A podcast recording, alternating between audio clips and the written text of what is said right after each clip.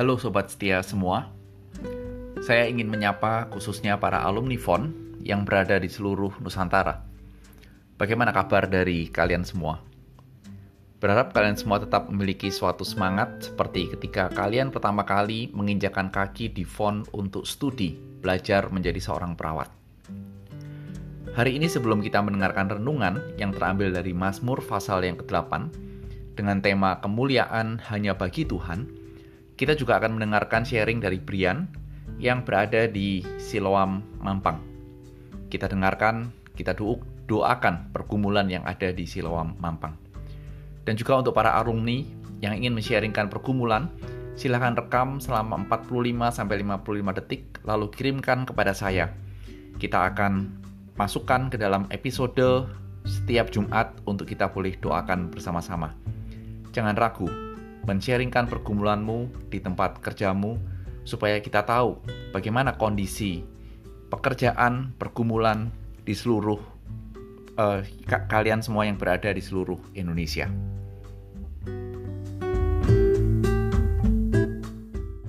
Shalom, saya Brian Manabung dari Silom Hospital Mampang.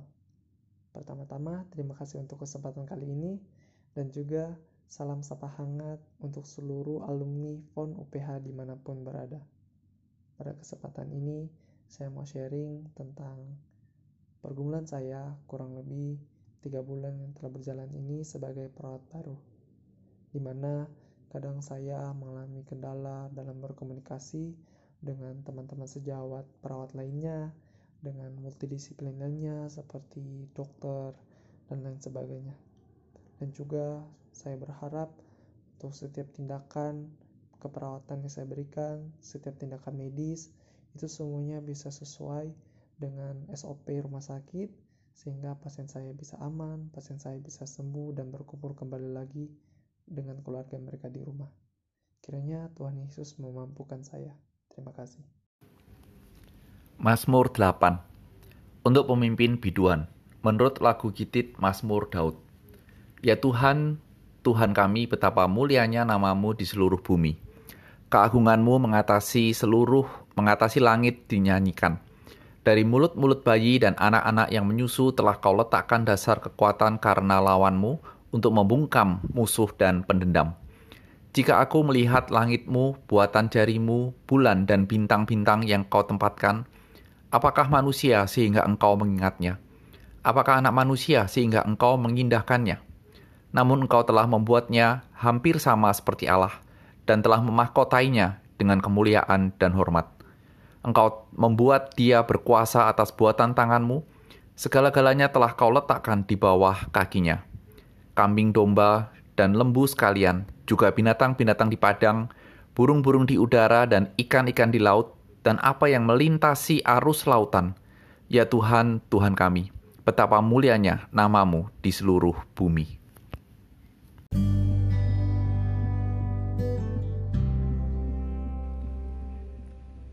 Mari kita berdoa.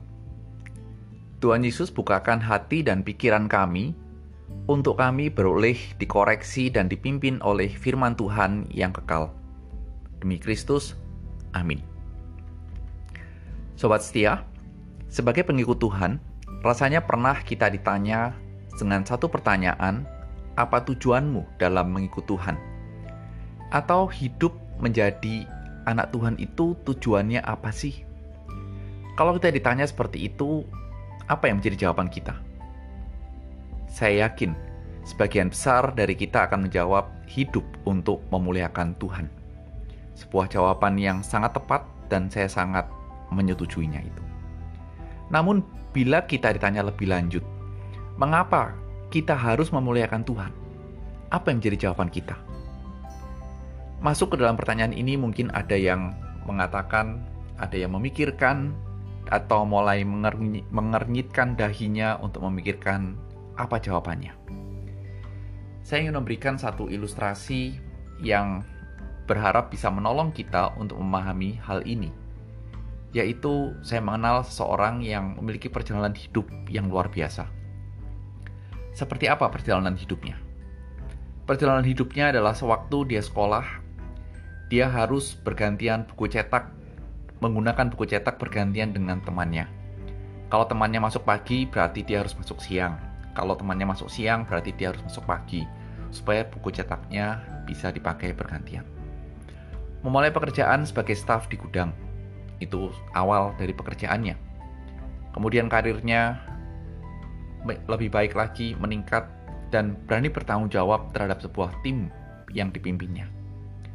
Dan ketika ada kesalahan senilai 4 miliar, dia juga berani bertanggung jawab, mempertanggungjawabkan itu kepada perusahaan di mana dia bekerja.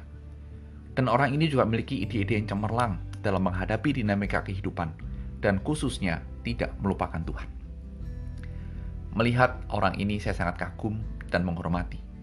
Dan kalau ditanya apa alasannya saya mengagumi orang ini, saya pasti bisa memberikan sebuah jawaban.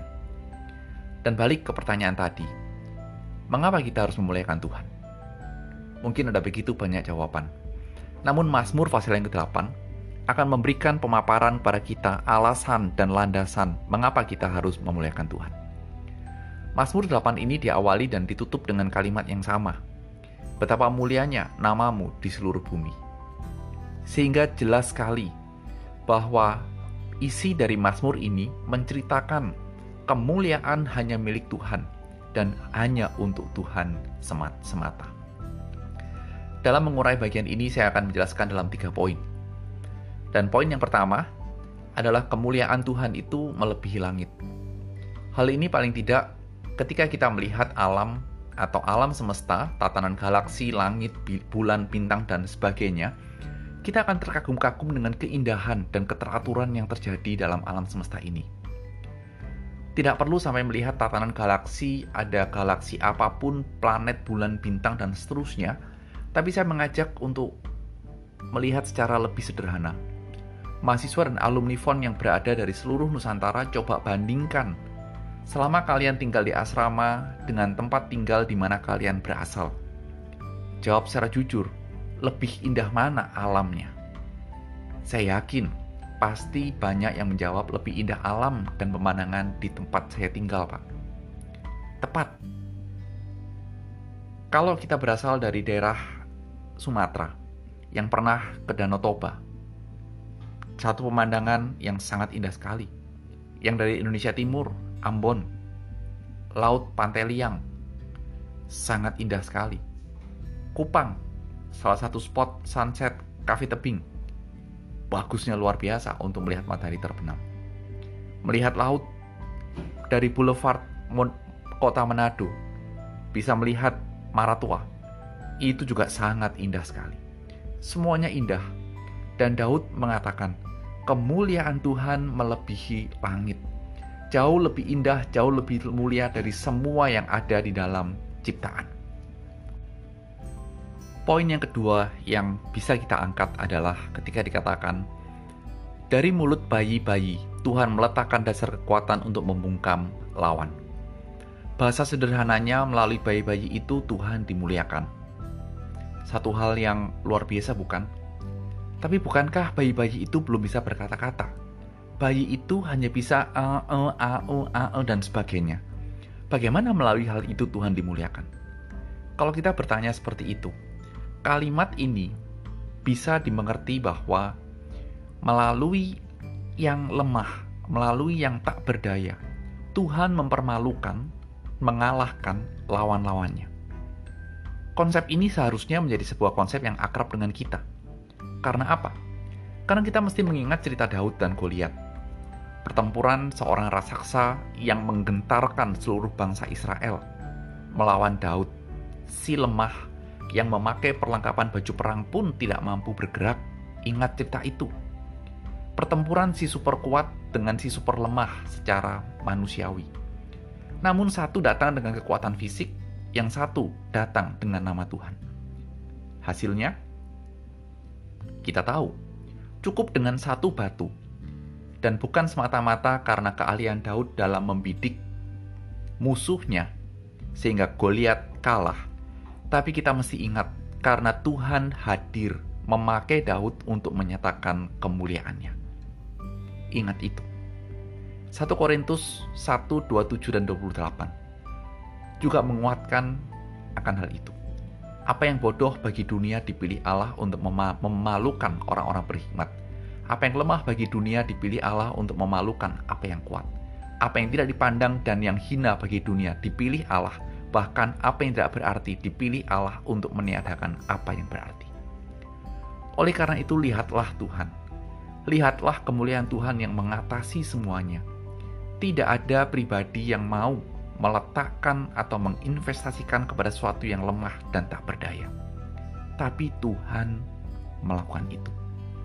Dan khusus di poin ini, kalau kita merasa diri kita lemah, kita merasa diri kita tidak mampu, yakinlah Tuhan bisa memakai kelemahan ketidakmampuanmu untuk memuliakan Dia.